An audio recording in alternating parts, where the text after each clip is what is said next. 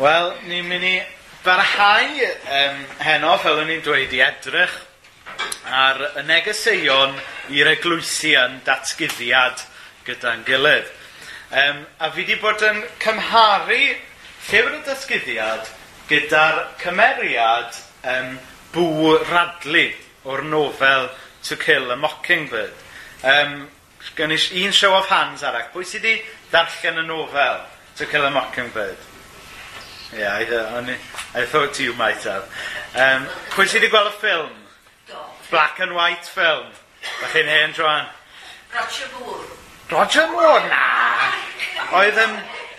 Ond, oedd Roger Moore? James Bond. Oedd yn? Ie, na ni. A'r pwy oedd yn actio Bŵr Adli oedd... Um, y boi Duval. Ti'n y boi yn...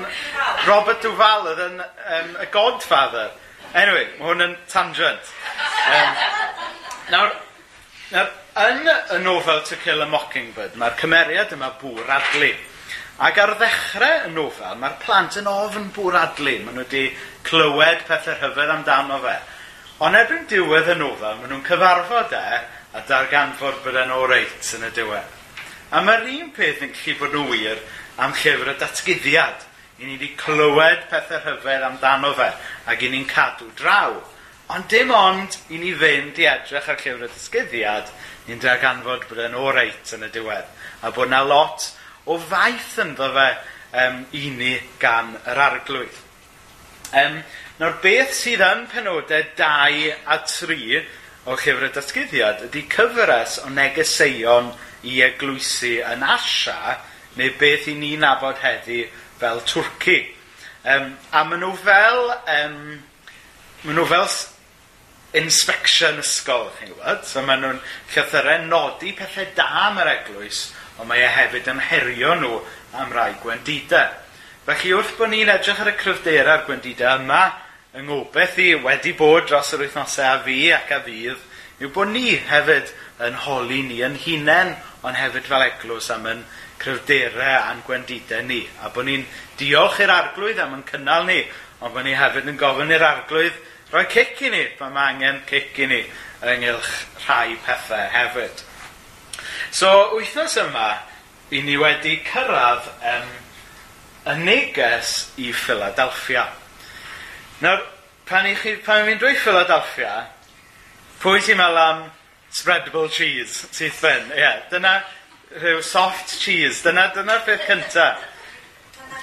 Fel tu allan i fewn rhywbeth, yeah. yn nant y caws a Philadelphia. Oh, briliant. O, Oh, mae'n wych.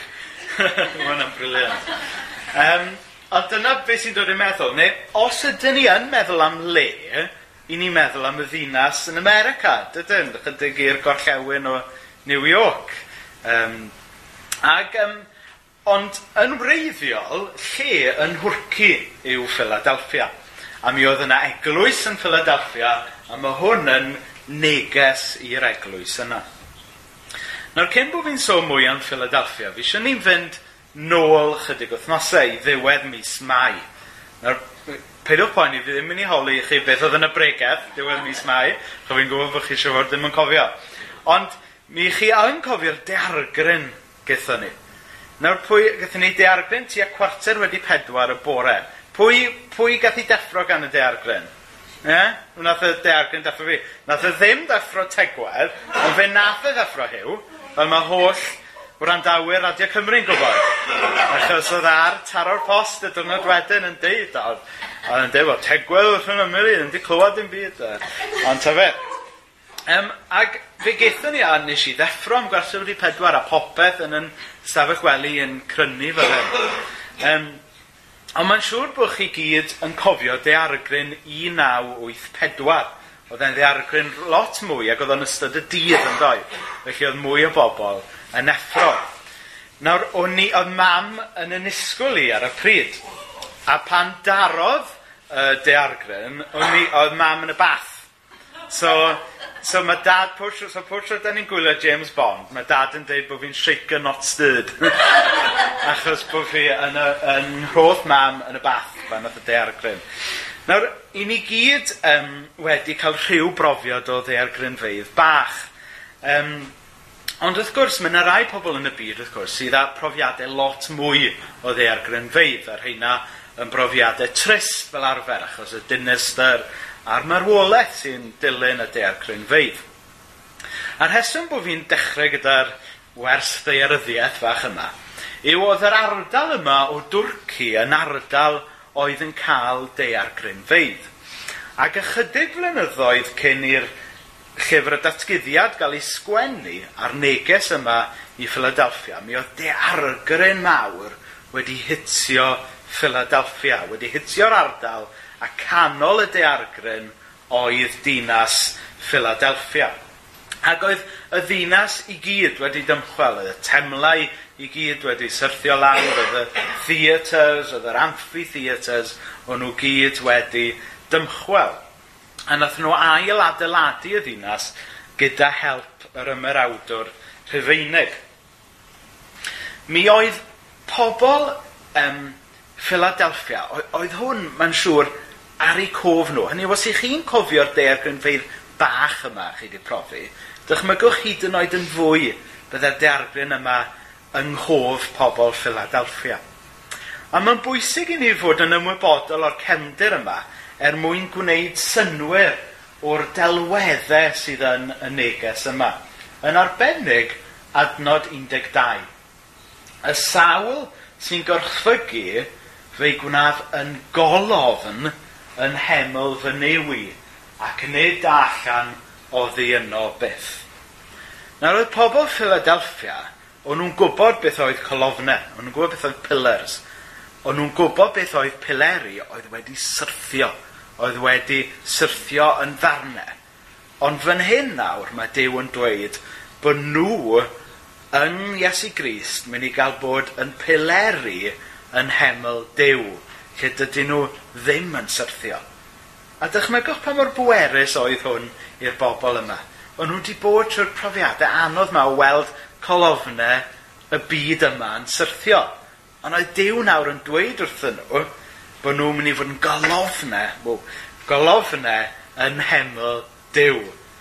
A mae'r ma, ma, ma hyn yn dysgu ni, mae mor bwysig edrych ar gyd-destun a cefndir rhannau o'r Beibl. Ond i bai bod ni'n gwybod am y deargryn yma wedi hitio pobl Philadelphia, byddwn ni ddim yn deall pa mor bwerus oedd y ddelwedd yma am bod nhw'n mynd i fod yn golofn oedd yn para byth yn heml Dyw.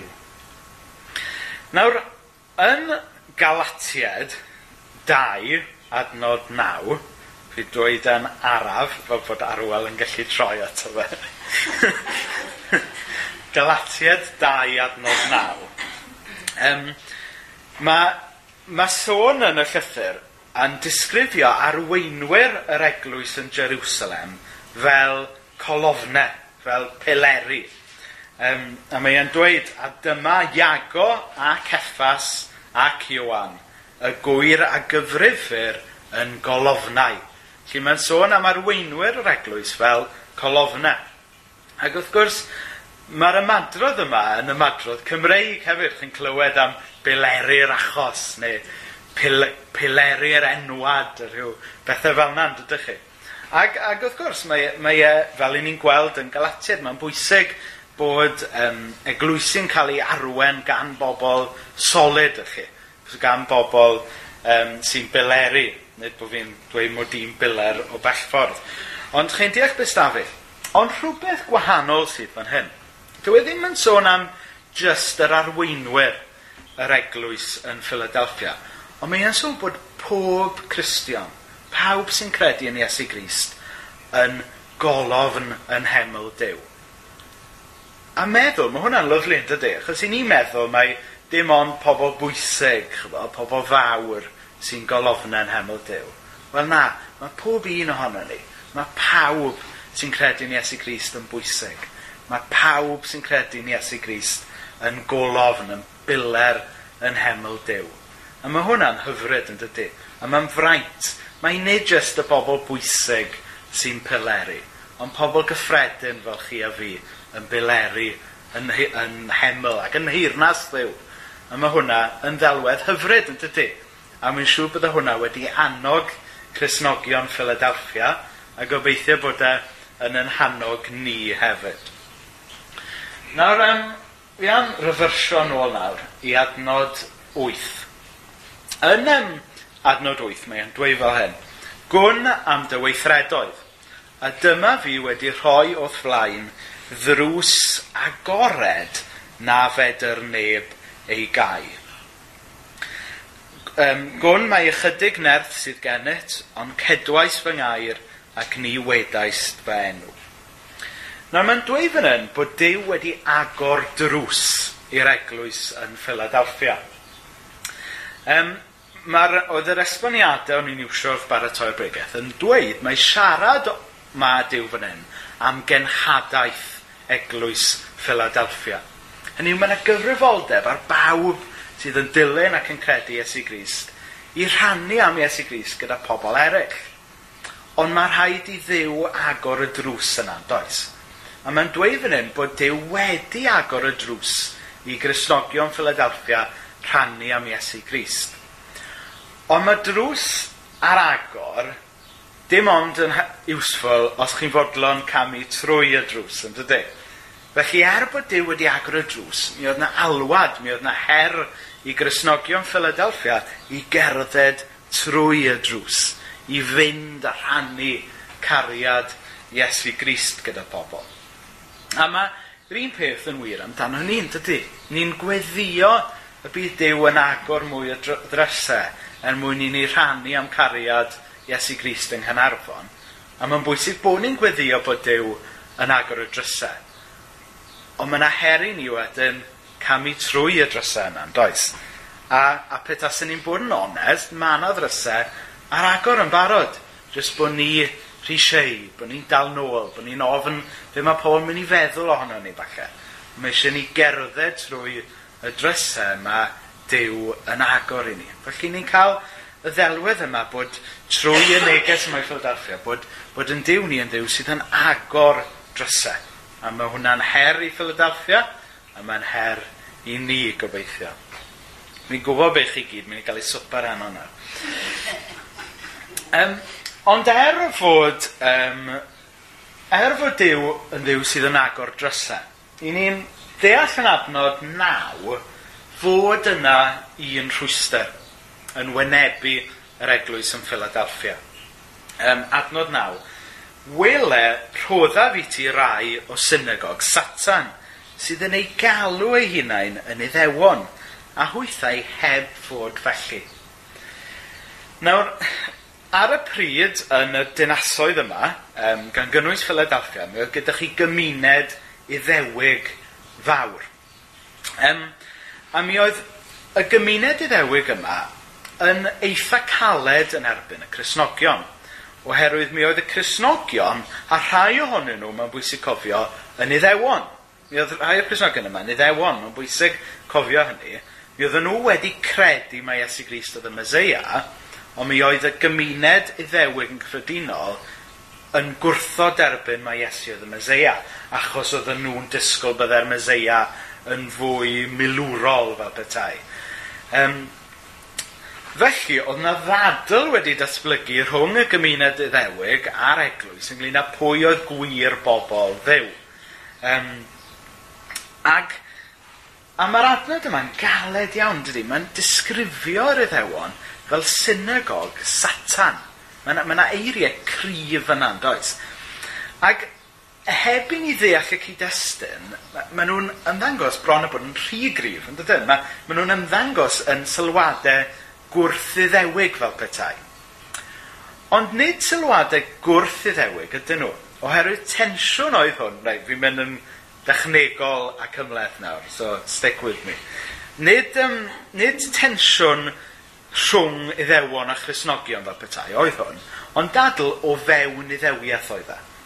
Achos Iesu Grist oedd y Meseia iddewig. Yr ysgrythurau iddewig oedd yn sôn byddai Iesu yn dod. Felly beth sydd gyda ni yn adnod naw fan hyn yw dadl o fewn iddewiaeth. Ar y pryd, um, datblygiad o fewn iddewiaeth oedd Cresnogaeth.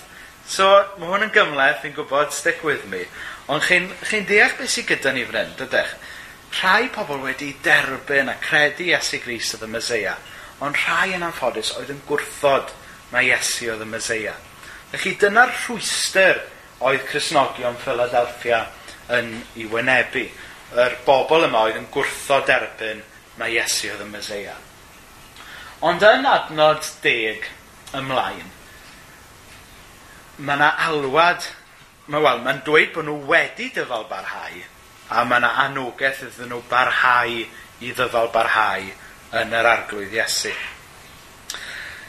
Ac yn yr adnod yma, adnod deg, wna i ddarllen eto, am i ti gadw fy ngair i ddyfa barhau, bydda fynnau yn dygadw di rhag awr y prawf sydd ar ddod ar yr holl fyd i brofi trigolion y ddeiar.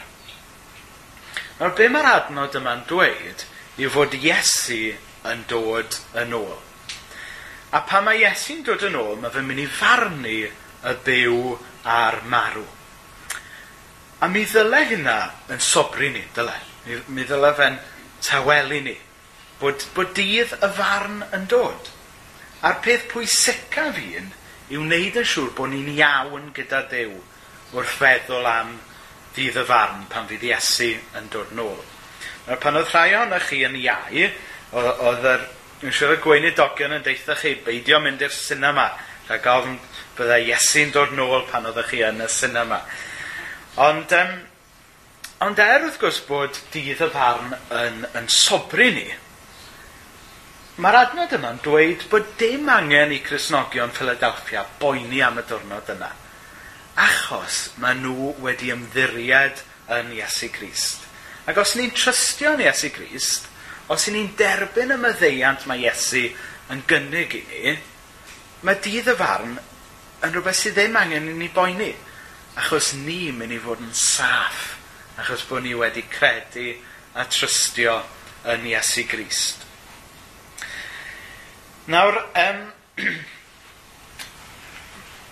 mae'r adnod yn mynd mlaen wedyn, adnod 11. Yr wyf yn dod yn fian. Mae Iesu Grist yn dod. Glyna wrth yr hyn sydd genet. Rhag i neb ddwy'n dygoron di. Nawr, nid yn unig bod Iesu yn yn derbyn ni, oce? Okay? Nawr, mae hwnna'n wych yn ddefa ei hun yn dydy, bod Iesu yn yn derbyn ni. Ond mae e'n mynd i roi di goron i ni. Nawr, dychmygwch os fysa'r cwyn yn dod mewn yma nawr, right? Er, dwi'n meddwl bod hi'n dod i Gersalem, tas hi'n dod i Ganarfon. Dychmygwch bod y frenhines yn dod mewn, bydd e'n dipyn o fraint bod hi'n tro lan yma o gwbl.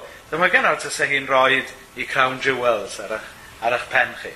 So hwnna'n fraint y bydde, rhan rhydedd yma, bod ni yn cael yn derbyn gan rhywun o bwys. Nawr, mae i ni'n licio cael yn derbyn gan bobl, yn dydyn? A mae'r syniad yma o gael yn derbyn gan bobl pwysig. Yn ni'n licio hynna'n dydyn? Bod ni'n gallu deud bod ni'n adnabod rhywun enwog a bla bla bla. Nawr chi yn cael eich derbyn gan Iesu. Nawr, does dim un braint mwy na hynna. Mae Iesu yn deud bod bod o'n mynd i roi goron o arno chi. Mae hwnna'n amazing, dydy, bod Christ yn derbyn ni. Ac wrth gwrs mae, mae, Christ, mae Iesu Christ yn derbyn ni a mae e'n rhoi di goron arno ni oherwydd i ras o. Hynny yw rhodd i ni'n cael er bod ni ddim yn ei derbyn. Nawr, y gras yn Saesneg ydy grace, a mae yna acronym hyfryd yn gweithio'n Saesneg, grace. God's riches at Christ's expense. A dyma i ni'n cael yn adnod 11, yn dyfa, Y busnes y goron yma. God's riches at Christ's expense. A mae e'n hyfryd yn dydy. Felly, mae dydd y farn, mae'r dydd pan mae Iesu'n dod nôl yn ddechrau yn sobreiddiol iawn.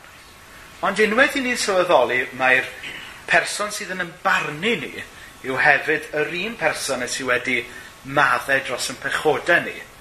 Yn sydyn reit, mae dydd y farn i bawb sydd wedi ymddiried yn Iesu Grist yn ddwrnod i ddysgwyl mlaen iddo fe, nid yn ddwrnod i ofni.